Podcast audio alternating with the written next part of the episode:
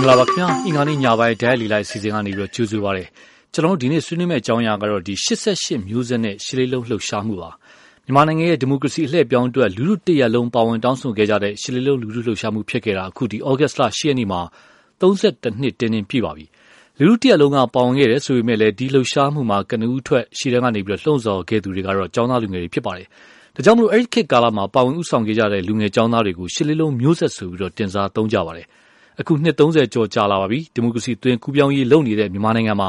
ဒီလူငယ်မျိုးဆက်တွေဟာ မြန်မာနိုင်ငံရေးမှာဘလို့အခမ်းကဏ္ဍမျိုးမှာ ရောက်နေပြီလဲ ရှစ်လေးလုံး လှုပ်ရှားမှုနဲ့ ရှစ်လေးလုံးမျိုးဆက်ဆိုတဲ့ ခေါင်းစဉ်နဲ့ ကျွန်တော်တို့အခုဒီ diet လေးလိုက်အစီအစဉ်မှာ ဆွေးနွေးတော့မှာ ဖြစ်ပါတယ် ပါဝင်ဆွေးနွေးပြဖို့ဆိုပြီးတော့ဒီနေပယ်အသီးသီးမှာ ရောက်နေတဲ့88မျိုးဆက်ကျောင်းသား ခေါင်းဆောင်3ဦးကိုပဲဖိတ်ခေါ်ထားပါတယ် ပထမတူကတော့88မျိုးဆက်ကျောင်းသား ခေါင်းဆောင်တူဖြစ်တဲ့ဥက္ကုကိုကြီးပါ သူကတော့ လက်ရှိအဖြစ်ပြည်သူ့ပါတီရဲ့ ဥက္ကဋ္ဌအဖြစ် တာဝန်ယူဆောင်နေပါတယ် နောက်တူကတော့အာ ယနေ့ခေတ်နိုင်ငံရေးမဂ္ဂဇင်းရဲ့အယ်ဒီတာချုပ်ဖြစ်ပါတယ်ကိုသက်စင်မှာသူလည်းလီလိုင်းပေါ်မှာရှိပါတယ်သူလည်း88မျိုးဆက်ကျောင်းသားခေါင်းဆောင်တူဖြစ်ပါတယ်နောက်တူကတော့မြန်မာနိုင်ငံရေးလေးလာသူဒေါက်တာရန်မျိုးသိန်းပါသူလည်း88မျိုးဆက်ကျောင်းသားခေါင်းဆောင်တူဖြစ်ပါတယ်သုံးဆုံးကျွန်တော်လီလိုင်းပေါ်ရောက်နေပါပြီခင်ဗျကျွန်တော်အရင်ဆုံးကျွန်တော်ဥက္ကုကိုကြီးကိုဖိတ်ခေါ်ချင်ပါတယ်ခင်ဗျဥက္ကုကိုကြီးကြားပါလားခင်ဗျဟုတ်ကဲ့ကြားပါတယ်ခင်ဗျဟုတ်ကဲ့ကျွန်တော်ခုနကပြောသွားလို့ပါဥက္ကုကြီးဒီရှစ်လေးလုံးမျိုးဆက်ဆိုတဲ့ကိစ္စပေါ့နော်ပြောမှဆိုရင်နိုင်ငံရေးမှာစိတ်ပါတက် ဝင်တက်ကြွလာကြတဲ့ចောင်းသားလူငယ်တွေ ဒီနေ့လိုမျိုးနိုင်ငံရေးအပြောင်းလဲ အသွင်ကူးပြောင်းရေး လုပ်နေတဲ့အချိန်ကာလမှာ အထူးသဖြင့် ရှစ်လေးလုံးမျိုးဆက်ရဲ့ အခန်းကဏ္ဍဘလို့နေရာမှာ နိုင်ငံရေးထဲမှာရောက်နေပြီလေနေရာပေးခံရပါလားလစ်လျရှုဖေရှားခံရပါလားဘလို့ယူဆပါလဲဥက္ကုကူကြီးရဲ့အမြင်သိကြပါလေခင်ဗျာဟိုကျွန်တော်တို့ လွန်ခဲ့တဲ့30နှစ်တုန်းကတော့ ကျောင်းသားလူငယ်တွေဘဝနဲ့ဒီရှစ်လေးလုံးရေးတော်ပုံကြီးမှာ တက်တက်ကြွကြွဥဆောင်ပါဝင်ခဲ့ကြပြီမဲ့ အခုချိန်မှာတော့တော်တော်များများဟာ90ကျော်တန်းပေါ့အဝန်းကျင်ရောက်လာကြတယ်နောက်ရှစ်လေးလုံးနောက်ပိုင်းမွေးတဲ့မျိုးဆက်တွေဆိုလို့ရှိရင်လည်းအဲရှစ်လေးလုံးရေးတော်ပုံနဲ့ပတ်သက်လို့သဇွန်တစလောက်ပဲတိကျပြကြတာမျိုးဖြစ်လာတဲ့ခါကျတော့မျိုးဆက်ကွာဟမှုဖြစ်လာတယ်နောက်ကျွန်တော်တို့ဒီပဲပဲနိုင်ငံရေးပေါ်မှာဟိုပြုံနှံထားတဲ့စိတ်နဲ့တောက်လျှောက်ကျွန်တော်တို့ဆောင်ရွက်နေတယ်ဆိုပေမဲ့တကယ်တကယ် အဆုံးဖြတ်ပေးနိုင်တဲ့နေရာတွေမှာတော့ကျွန်တော်တို့ရှိမနေသေးဘူးကျွန်တော်တို့ကဒီမိုကရေစီအကြောင်းလဲအတွက်အတတ်နိုင်ဆုံးပံ့ပိုးတဲ့ဝန်ရံတဲ့လုပ်ငန်းတွေကိုပဲသင်ဆက်မပြတ်ကျွန်တော်တို့ဆောင်ရွက်ကြကြပြီးတော့ဟိုပြောရရင်ဟိုဖမ်းစရာရှိအဖမ်းခံစရာရှိကျွန်တော်တို့အဖမ်းခံထွက်လာတယ်ဆက်လုပ်တယ်ပြန်ဖမ်းခံရတယ်ဆိုတဲ့ပုံစံမျိုးနဲ့ကျွန်တော်တို့နေကြရပါတယ်အဲတော်တော်များများဆိုရင်လည်းတိုးလေးရောက်တတိယနိုင်ငံတွေရောက်နေ ဒီသားစုတကွဲတကယ်တွေအခုတည်းပြန်ပြီးတော့မစုံနိုင်သေးတဲ့အခြေအနေတွေမှာရှိနေတယ်တချို့လည်းဒီထောင်ထဲကယောဂါတွေနဲ့ကျမကြီးထိခိုက်ခံစားနေရတာတွေတချို့ပြုံးနဲ့ကွယ်လွန်သွားတာတွေလည်းကျွန်တော်တို့ရင်ဆိုင်နေရပါတယ်ဟုတ်ကဲ့ဒီနေရာမှာဥက္ကုကိုကြီးရဲ့တူးချင်းအနေထားကိုကျွန်တော်မေးချင်ပါတယ်ပြောရမယ်ဆိုရင်တော့ဒီရှစ်လေးလုံးမျိုးဆက်တွေထဲမှာနိုင်ငံရေးပါတီနိုင်ငံရေးအာဏာနဲ့ပတ်သက်ပြီးတော့လုပ်မယ်ဆိုရရွေးချယ်သွားတဲ့အထက်မှာဥက္ကုကိုကြီးဥဆောင်တဲ့အဖွဲ့ပါပါတယ်အဲ့တော့ လက်ရှိဥက္ကုကြီးတို့ လုပ်နေတဲ့ နိုင်ငံရေး88မျိုးဆက်ចောင်းသားလူငယ်ခေါင်းဆောင်တွေ ဝင်လုပ်နေကြတဲ့ နိုင်ငံရေးမှာ တစုံတရာ အနှောက်အယှက်ရှိပါလား လုတ်ပိုင်ခွင့် တစုံတရာရောရနိုင်ပါလား အခု နိုင်ငံရေး အနေအထားမှာ အခင်းကျင်းမှာဟိုကျွန်တော်က စလုပ်ကလေးကဒါနိုင်ငံရေးကို YouTube ခုံမြင်စွာ လုပ်ခဲ့တာ ဖြစ်တဲ့အတွက်ကြောင့်ဒီတပန်တက်တဆုံး နိုင်ငံရေးလုပ်မယ်လို့ ပိုင်းဖြတ်ထားတာ ဖြစ်ပါတယ်။ဒါကြောင့်မလို့လဲဒါတခြားလုံးမှာ တတ်နိုင်တဲ့နေရာတွေကနေ ပံ့ပိုးခဲ့ပြီးမြဲ ဒီနှစ်30လောက်ရောက်လာတဲ့အချိန်မှာကတော့ကျွန်တော်ဘာတွေးမိတာလဲဆိုတော့ကျွန်တော်တို့မျိုးဆက်ဟာကိုယ့်ရဲ့နိုင်ငံရေးယူဆကိုယ့်ရဲ့စိတ်စေတနာဒါကိုယ့်ရဲ့သဘောထားတွေကိုလွတ်လွတ်လပ်လပ်ပြောနိုင်ဖို့အတွက်ဒါပါတီတစ်ခုအနေနဲ့ထူထောင်ပြီးလုပ်တာကပိုပြီးထိရောက်မယ်လို့ယူဆပြီးတော့ဒါကျွန်တော်တို့လေးစားရာစိတ်တူကိုယ်တူတွေစုပြီးတော့ဒါပြည်သူပါတီဆိုပြီးကျွန်တော်ထောင်ပြတာပါသို့တော်လည်းပဲပါတီအစ်စ်ဖြစ်တဲ့အတွက်ကြောင့်ဒါကျွန်တော်တို့ဟို လွန်ခဲ့တဲ့နှစ်30ကလေးကဒီထောင်ခဲ့တဲ့ပါတီကြီးတွေနဲ့နိုင်ရှင်တဲ့အခါကျတော့ကျွန်တော်တို့မှာတော်တော်ကိုအခက်အခဲတွေအများကြီးကျွန်တော်တို့ကြုံရပါတယ်မြင်ဆိုင်ရပါတယ်ငွေကြေးရရရောတော်တော်များများကျွန်တော်တို့ ਨੇ ရင်းနှီးတဲ့လုပ်ပေါ်တိုင်တဲ့တော်တော်များများဟာလည်းနေဒီမှာဆိုရင်တခြားဘယ်ပါတီမှလုပ်ကြမရှိတော့ဒါရှိနေတဲ့ပါတီတွေမှာပဲဝင်ပြီးဆောင်ရွက်နေကြတာတွေဖြစ်တော့ကျွန်တော်အစ်စ်ထောင်ရတဲ့အခါမှာဒီရဲဘော်တွေခုစီလာရင်ရင်တောင်မှနည်းနည်းအခက်အခဲဖြစ်တာမျိုးတွေကျွန်တော်တို့ကြုံရပါတယ် ဟုတ်ကဲ့ခင်ဗျဥက္ကုကြီးလီလိုင်းပေါ်မှာခဏနေပြပါအောင်ခင်ဗျကျွန်တော်ကျန်တဲ့ပင်နိုင်ဆွေးနွေးသူတွေဖိတ်ခေါ်ချင်ပါတယ်နောက်ဒုတိယအနေနဲ့ဦးသက်စင်ကိုဖိတ်ခေါ်ချင်ပါတယ်ကိုသက်စင်ကတော့လက်ရှိယနေ့ခေတ်မဂ္ဂဇင်းဒီနိုင်ငံရေးမဂ္ဂဇင်းရဲ့အေဒါချုပ်ဖြစ်ပါတယ်ကိုသက်စင်ကတော့သတင်းတောက်အနေနဲ့ဆောင်ရွက်နေသတင်းသမားတူအနေနဲ့ရှိနေတယ်ဆိုတော့ကိုသက်စင်ဒီ88မျိုးဆက်ရဲ့ယနေ့ကာလအခမ်းအနားနဲ့ပတ်သက်လို့သုံးသပ်ပြီးပါအောင်ဘယ်လိုများမြင်ပါလဲဟုတ်ကဲ့ကျွန်တော်တို့88တုန်းကကျွန်တော်တို့အစွမ်းဥပကိုကြီးတို့တို့ပါနော်ကျွန်တော်တို့ရတောင်းတလူငယ်ကြီးဘဝရင်းနဲ့ အဲ့ခေတ်မှာရှိနေတဲ့မဆလာစနစ်ဆိုအနာတပါရီအာနာရှင်စနစ်ကိုကျွန်တော်ဆန့်ကျင်ပြီးတော့ကျွန်တော်တို့ကဒီမိုကရေစီနောက်ပြီးတော့ကျွန်တော်တို့ကအဆင့်အရှင်ပြုတ်ကြရေးနဲ့နောက်တစ်ခုကကျွန်တော်တို့ကဒီတိုင်းရေးဆိုတဲ့သူကျူးကျော်တိုင်းနဲ့ကျွန်တော်တို့က88ကိုတက်တန်းခဲ့တယ်ပေါ့နော်တက်တန်းခဲ့ပြီးတော့ဒါပေမဲ့အခုချိန်မှာကျွန်တော်တို့88ရိုးစက်ပြီးပေါ့နော်တကယ်တမ်းပြောလို့ရှိရင်သူကဥပကိုကြီးပြောတဲ့အထဲမှာလည်းပါပါတယ်တကယ်တမ်းဒုက္ခကံခဲ့ပြီးတော့ဒီကြားနေကြမရောက်နေတဲ့အနည်းဆုံးပေါ့ကျွန်တော်တို့ရဲဘော်ကြီးပေါ့ အဲ့ရဲဘော်ကြီးကဒီနေ့ဒီနေ့ရှိခေလို့ပြောနေတဲ့ချိန်ဒီမှာကျွန်တော်တို့အတူတူကလုခဲ့ကံခဲ့ပြီးတော့အတူတူကပြစ်ဆက်ခဲ့ကျွန်တော်ရဲဘော်ကြီးဒီနေ့အချိန်မှာအကြောင်းမျိုးကြောင့်တော့ယူပြန်လာခွင့်မရတဲ့အခြေအနေကိုကျွန်တော်တွေ့နေရပါအဲ့ဒါကျွန်တော်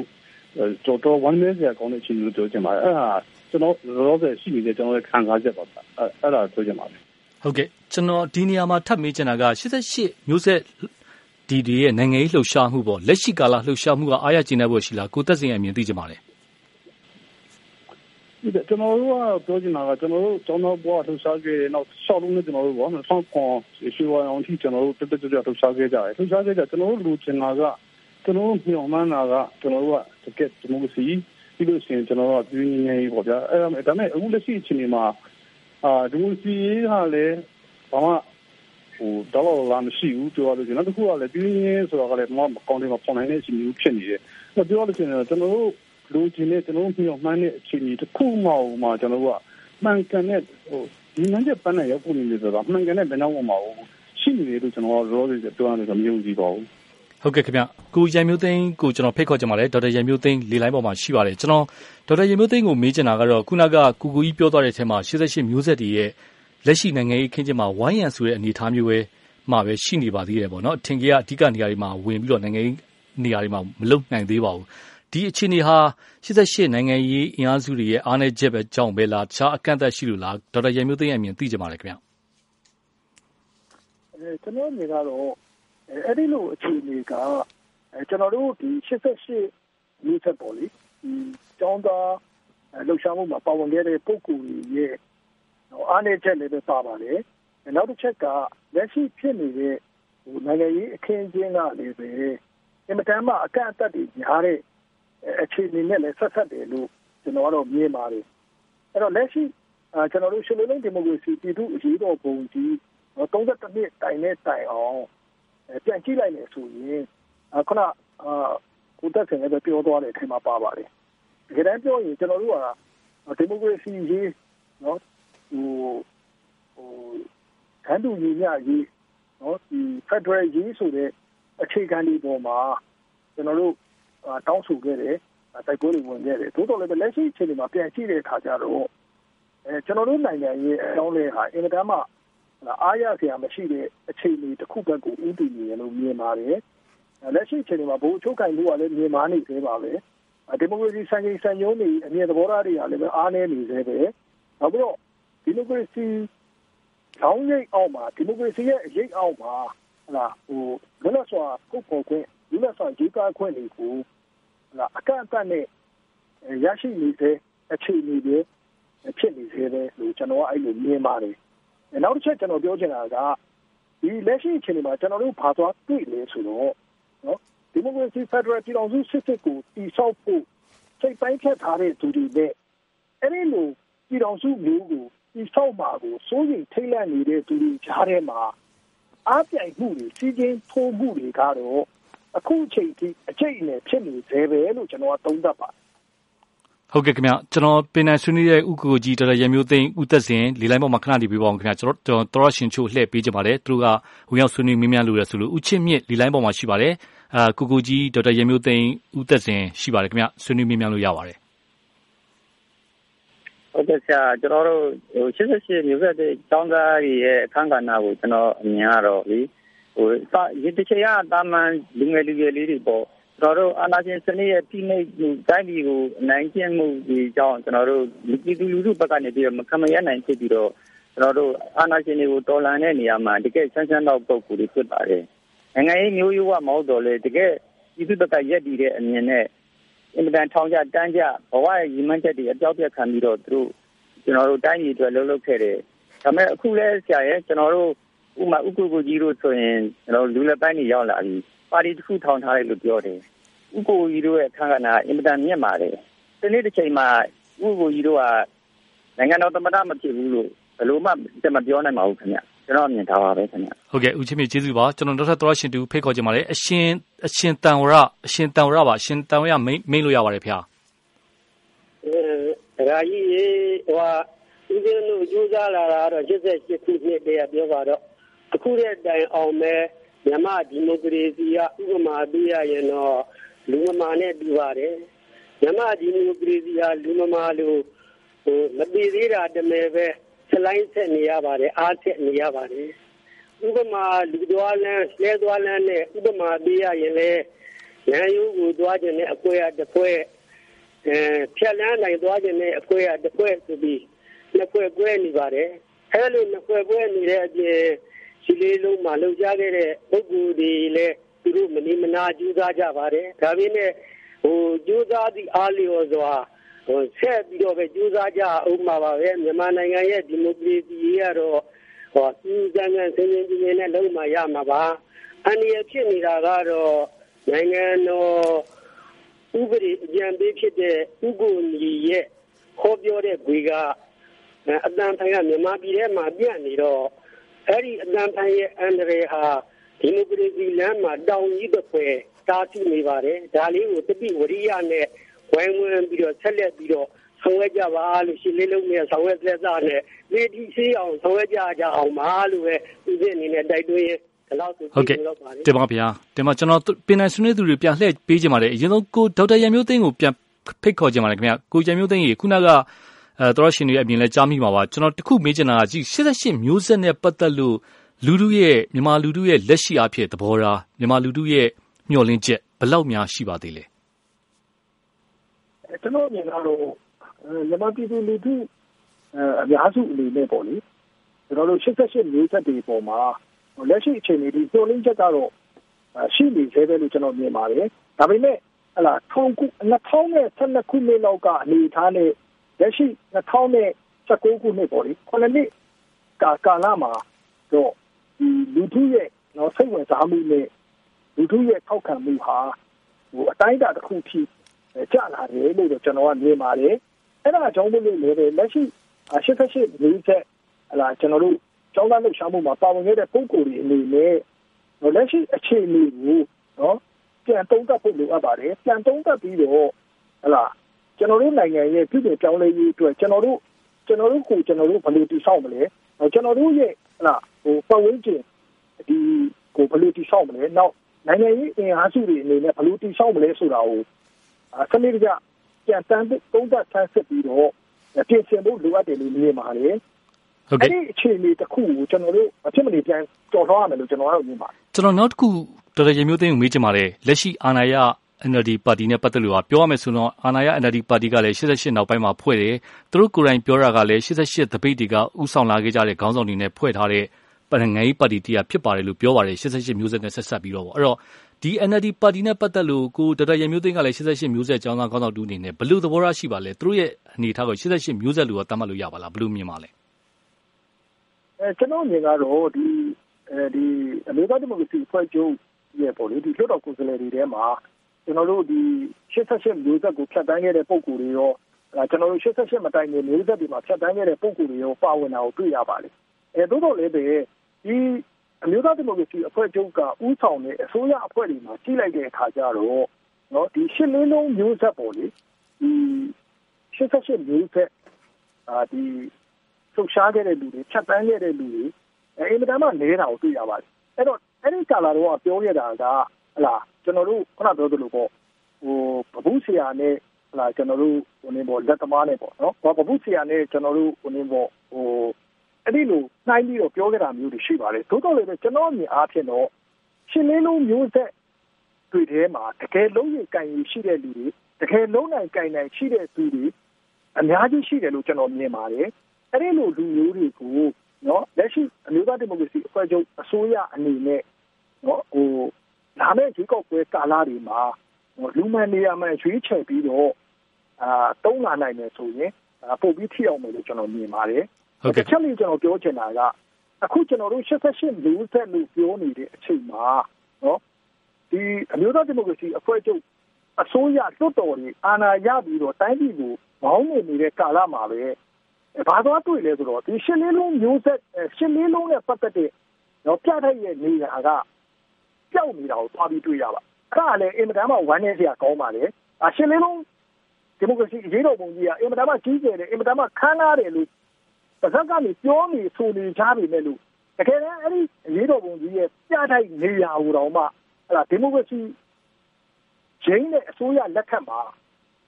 ဘယ်နေရာထားမှမသိတဲ့အခြေအနေကြီးဖြစ်နေတာလေအင်မတန်မှဝမ်းနည်းစရာကောင်းတယ်လို့ကျွန်တော်ကတော့မြင်ပါတယ်ဟုတ်ကဲ့ခင်ဗျကျွန်တော်ဥက္ကုကိုကြီးကိုပဲဆက်မေးချင်ပါတယ်ခုနဒေါက်တာရမျိုးသိန်းကိုမေးခဲ့တဲ့အမေးပါ ဒါပေမဲ့ဥက္ကုကြီးကိုကျွန်တော်88မျိုးဆက်ကျောင်းသားခေါင်းဆောင်တူအနေနဲ့ ဖြည့်စေချင်ပါတယ် NLD လက်ရှိ အာဏာ NLD နဲ့ ပတ်သက်လို့ ဒါဟာ88မျိုးဆက်လို့တတ်မှတ်လို့ရလား NLD ရဲ့ရည်တည်ချက်88နဲ့ ပတ်သက်လို့ဥက္ကုကြီးအမြင်သိချင်ပါတယ်ဟိုကျွန်တော်တို့က88မျိုးဆက်လို့ ပြောရင်ရေဘူးရအားဖြင့်ကကျွန်တော်တို့က88မျိုးဆက်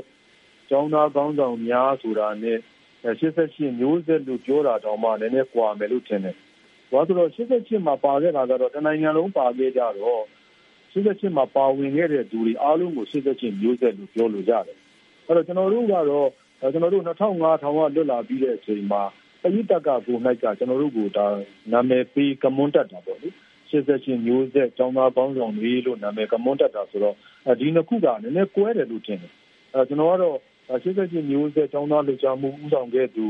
တယောက်အနေနဲ့ပြောရရင်တော့ဒါ လွတ်လပ်ရေးကာလဟိုကျုံအောင်ဆန်းတို့ခေတ်ကိုလွမ်းတယ်လို့ပဲကျွန်တော်ကပြောချင်တယ်။အဲကြောင့်လဲဆိုတော့ကျွန်တော်တို့ဟိုကျုံအောင်ဆန်းရဲ့နိုင်ငံရေးလုပ်သက်ဟာဒါ1936ပေါ့နော်ဒုတိယကျောင်းသားတပိတ်ကနေလှုပ်ချံခံရတဲ့အထိဆို17နှစ်ပဲရှိတယ်။အဲဒီ17နှစ်တော့တွင်းမှာလွတ်လပ်ရေးရအောင်လုပ်သွားနိုင်တဲ့ဖွဲ့စည်းပုံခြေခံဥပဒေအပါအဝင်လွတ်လပ်ပြီးမြန်မာနိုင်ငံအတွက်စီးပွားရေးစီမံကိန်းတွေအုပ်ချုပ်ရေးဆိုင်ရာဟလာပြင်ဆင်မှုတွေအများကြီးလုပ်သွားနိုင်တယ် ပြီးတော့တကယ်အရေးချင်းရှိတဲ့သူတွေနဲ့ပဲအသီးသီးမျိုးဆက်အသီးသီးကိုစုစည်းပြီးသွားနိုင်တဲ့အတွက်ကြောင့်လဲဒါလူပုဂ္ဂိုလ်တွေကြာဆုံးသွားရင်တောင်မှသူတို့ရဲ့ဥဆောင်မှုတွေခေါင်းဆောင်မှုတွေကြံခဲ့တဲ့ကာလကိုကျွန်တော်ကတော့လွမ်းတယ်တတိရတယ်အဲ့ဒီလိုမျိုးဖြစ်ရင်ကောင်းပါပဲလို့ဆိုတဲ့အတွေးမျိုးလေးကျွန်တော်မကြာခဏဖြစ်ပါတယ်သို့တော့အခုအချိန်တွေကတော့ကျွန်တော်တို့ဟလာကိုယ့်ရဲ့ယုံကြည်ရာကိုပေါ်ထုတ်နိုင်မှုပြောနိုင်ဖို့အတွက် ဒါပါတီတရက်ထူထောင်မှပဲတော့မယ်ဆိုတဲ့အခြေအနေကြောင့်ကျွန်တော်တို့ဒါပါတီထောင်လိုက်ရတာဖြစ်ပါတယ်ကျွန်တော်ဒီမှာတစ်ချက်မေးချင်ပါတယ်2012ခုနှစ်ကတည်းကပြီးလာမယ်ဆိုရှင်လွတ်လပ်ပြီးတော့ဒီအသွင်ပြောင်းရေးလှုပ်လာတဲ့ကာလမှာဆိုရင်ဒီတိုက်ခိုင်တွေဘက်ကဆိုရင်ဒီ NLD အမျိုးသားဒီမိုကရေစီအဖွဲ့ချုပ်ပြီးလို့ရှိရင်လူတွေကြားထဲမှာမျှော်လင့်နေဩဇာရလဲကြီးတာက88မျိုးဆက်ကျောင်းသားအဖွဲ့ပါဒါပေမဲ့ဒီနေ့ကာလနောက်ပိုင်းမှာအာအလျူယူအဖွဲ့လေးတွေဖွဲ့သွားတယ်အားပြော့သွားတယ်အားနေသွားသလိုဖြစ်သွားတယ်ဒီကုကုကြီးဒါနဲ့ပတ်သက်လို့ဘယ်လိုများသုံးသပ်မိလဲဘာကြောင့်ပါလဲ ဟိုကျွန်တော်တို့လည်းနိုင်ငံရေးပါတီထောင်မယ်ဆိုတဲ့ချိန်မှာအားလုံးပါဝင်နိုင်အောင်ဆိုပြီးတော့တော်တော်အချိန်ယူပြီးတော့ကျွန်တော်နှစ်နှစ်လောက်ဆွေးနွေးခဲ့တာတွေရှိပါတယ်အဲ့တော့တချို့ကလည်းပဲပါတီနိုင်ငံရေးကိုမလုပ်ချင်ဘူးတီးခြားဒီလိုမျိုးအရက်ဖက်အဖွဲ့အစည်းပုံစံနဲ့ပဲလုပ်ချင်တယ်ဆိုတဲ့သူတွေရှိတယ်လို့ဒါဟို CSO ပုံစံမျိုးတွေနဲ့တွားတဲ့လူတွေကလည်းတွားဆိုတော့ကျွန်တော်တို့ပါတီထောင်တဲ့အချိန်မှာတကယ်ကတော့တစုတစည်းတဲ့ကြက်ကြက်ပြန့်ပြန့်ကျွန်တော်တို့ပါတီခြင်းခဲ့ပြီမဲ့လို့ဒါတတ်နိုင်တဲ့လောက် ရတဲ့လောက်လူတွေနဲ့ကျွန်တော်တို့စုစည်းပြီးတော့လုပ်ခဲ့ရတာဖြစ်ပါတယ်။သို့တော့အခုလည်းပဲကျွန်တော်တို့ကတကားဖွင့်ထားတယ်။ကျွန်တော်တို့ရှိတဲ့ရှိရဲဘော်တွေပူးပေါင်းဆောင်ရွက်ဖို့အတွက်ကျွန်တော်တို့ကအများအားတကားဖွင့်ထားပါတယ်။ ဟုတ်ကဲ့ ကျွန်တော်နောက်ဆုံး ကိုတက်စင်ကို မေးချင်ပါတယ်ခင်ဗျာဒီ88မျိုးဆက် ကျောင်းသားလူငယ်တွေဆိုတော့ ကျောင်းသားခေါင်းဆောင်အုပ်စုတွေဆိုလို့ရှိရင် နိုင်ငံရေးအရ ပြောမယ်ဆိုရင်လည်းဩဇာကြီးတဲ့အခြေအနေမှာ ရှိပါတယ် နောက်တစ်ဖက်မှာ နိုင်ငံရေးအရ တက်ကြွသူတွေဖြစ်ပါတယ် လူထုက မျှော်လင့်ခဲ့ကြတဲ့လူတွေဖြစ်ပါတယ် ဒါပေမဲ့ ဒီနေ့ကာလနိုင်ငံရေးမှာ တစုံတရာ ပြောမယ်ဆိုရင်88မျိုးဆက်အနေနဲ့ပေါ့ ခုနက ဒေါက်တာရမျိုးသိန်းပြောလို့တချို့ ဒီမျိုးဆက်တွေမှာပါတဲ့ လူငယ်တွေက လွှတ်တော်ထဲမှာ ရှိနေတာရှိပါတယ် ဒါပေမဲ့ တစုတစည်းတည်း ဘာကြောင့် မဖြစ်နိုင်တာလဲ ဘာတွေ အားနည်းသွားလို့လဲ ကိုသက်စင်ရဲ့ သုံးသပ်ချက် သိချင်ပါတယ် ကျွန်တော်အဓိကပြောချင်တာကကျွန်တော်တို့က1990ပေါ့အဓိကအဲ့ဒါထပ်ပြောရမယ်1990ရွေးကောက်ပွဲမှာကျွန်တော်တို့ကဒီ NLD ပါတီဥဆောင်ပြီးတော့နောက်ပြီးတော့ကျွန်တော်တို့ရှစ်ရှစ်မျိုးဆက်ဒီပါမယ်နောက်ပြီးတော့တခြားသောမျိုးဆက်ဒီပါမယ်တခြားသောတိုင်းသားလူမျိုးစုအင်အားစုတွေကျွန်တော်တို့ကမဟာမိတ်ဖွဲ့ပြီးတော့ကျွန်တော်တို့ကဒါစစ်စစ်အာဏာရှင်ကိုဖြုတ်ချပြီးတော့ကျွန်တော်ဒီမိုစီလက်ဒီမိုစီပန်းနိုင်သွားမယ်ဆိုရည်ယူချက်ရှိခဲ့ကြတယ်ဒါပေမဲ့အခုနောက်ပိုင်းဖြည်းဖြည်းချင်းနောက်ပိုင်းမှာဖြည်းဖြည်းချင်းဘယ်လိုဖြစ်လာလဲဆိုတဲ့အခါကျတော့ ဒါတက်တဲ့ပြောရလို့ရှိရင် NLD ပါတီဟာတိုင်းသားမဟာမိတ်တွေဒီမိုစီအင်အားစုတွေပြီးတော့အဓိကကျွန်တော်88မျိုးဆက်နော်နိုင်ငံရေးမှာဆက်လုပ်ချင်နေတဲ့နိုင်ငံရေးမှာဆက်ပြီးပေါဝင်ဆောင်ရွက်ချင်နေတဲ့88မျိုးဆက်တွေအားလုံးကိုလက်တွဲပြုတ်ပြီးတော့တကူတော်သွားခဲ့တဲ့အတွက်အခုချိန်မှာဆိုလို့ရှိရင်တော့မဖြစ်တဲ့အခြေအနေတွေမဖြစ်တဲ့အခြေအနေတွေဖြစ်နေလို့ပြောပါမယ်။ဆက်ပေါ်လို့လည်းမရဘူးဒီမှာရက်နေတယ်တနေ့လူတွေကလည်းသူတို့အတွက်နိုင်ငံရေးရ ဆောင်ပေါ်ဝင်ဆောင်ရွက်ချင်နေတယ်လေပူပေါင်းဆောင်ရွက်ချင်နေတယ်လေအဲ့ဒီအတွက်နေရမရှိဘူးသူတို့ပူပေါင်းလက်တွဲလက်တွဲခေါ်မဲ့ယူမရှိတဲ့အတွက်အကုန်လုံးတကွဲတပြားဖြစ်ပြီးတော့အခုလိုချင်းမျိုးရှိခဲ့တာတကယ်တော့မယ်ဆိုလို့ရှိရင်သူကအခုကိုကြီးကိုနော်တိုင်းသားပါတီကခေါင်းဆောင်တွေရှိတယ်လူမျိုးခေါင်းဆောင်တွေရှိတယ်အရင်ကခေါင်းဆောင်တွေရှိတယ်တိုင်းသားပါတီတွေတနိုင်ငံလုံးမှာရှိနေတဲ့ဒီမိုစီအင်အားစုတွေအကုန်လုံးနဲ့ NLD ပါတီကလက်တွဲပြီးတော့ရှစ်ဆက်သွားမယ်ဆိုလို့ရှိရင်ဖြစ်နိုင်ရည်ရှိရတာနဲ့အဲ့လိုလက်တွဲ မသွားဘဲအဲ့ဒီအကုန်လုံးလက်တွဲဖြုတ်ပြီးတော့တကူတော့သွားခဲ့ကြောင့်ဖို့လက်ရှိအခြေအနေဟာဟိုညော်မန်းတော့ဖြစ်ပဲနဲ့အခြေအနေကနောက်ပြန်ဆုတ်တဲ့အခြေအနေမျိုးဖြစ်နေတယ်လို့ပဲကျွန်တော်ပြောချင်ပါတယ်ဗျ။ဟုတ်ကဲ့ခင်ဗျာကျွန်တော်တို့ဒီ88ဒီဆွေးနွေးပွဲနာအဓိကပါဝင်ဆွေးနွေးပေးတဲ့ဥက္ကူကြီးဒေါက်တာရန်မျိုးသိန်းနဲ့ဦးသက်စိန်ကျေးဇူးအများကြီးတင်ပါတယ်ခင်ဗျာကျွန်တော်တို့ဓာတ်ရိုက်လီလိုက်အစီအစဉ်အချိန်ဆစ်သွားလို့ပါပါဝင်ဆွေးနွေးပြီးတဲ့ပရိသတ်တွေလည်းကျေးဇူးအများကြီးတင်ပါတယ်ဒီမှာပဲကျန်တာခွင့်ပြုပါခင်ဗျာ။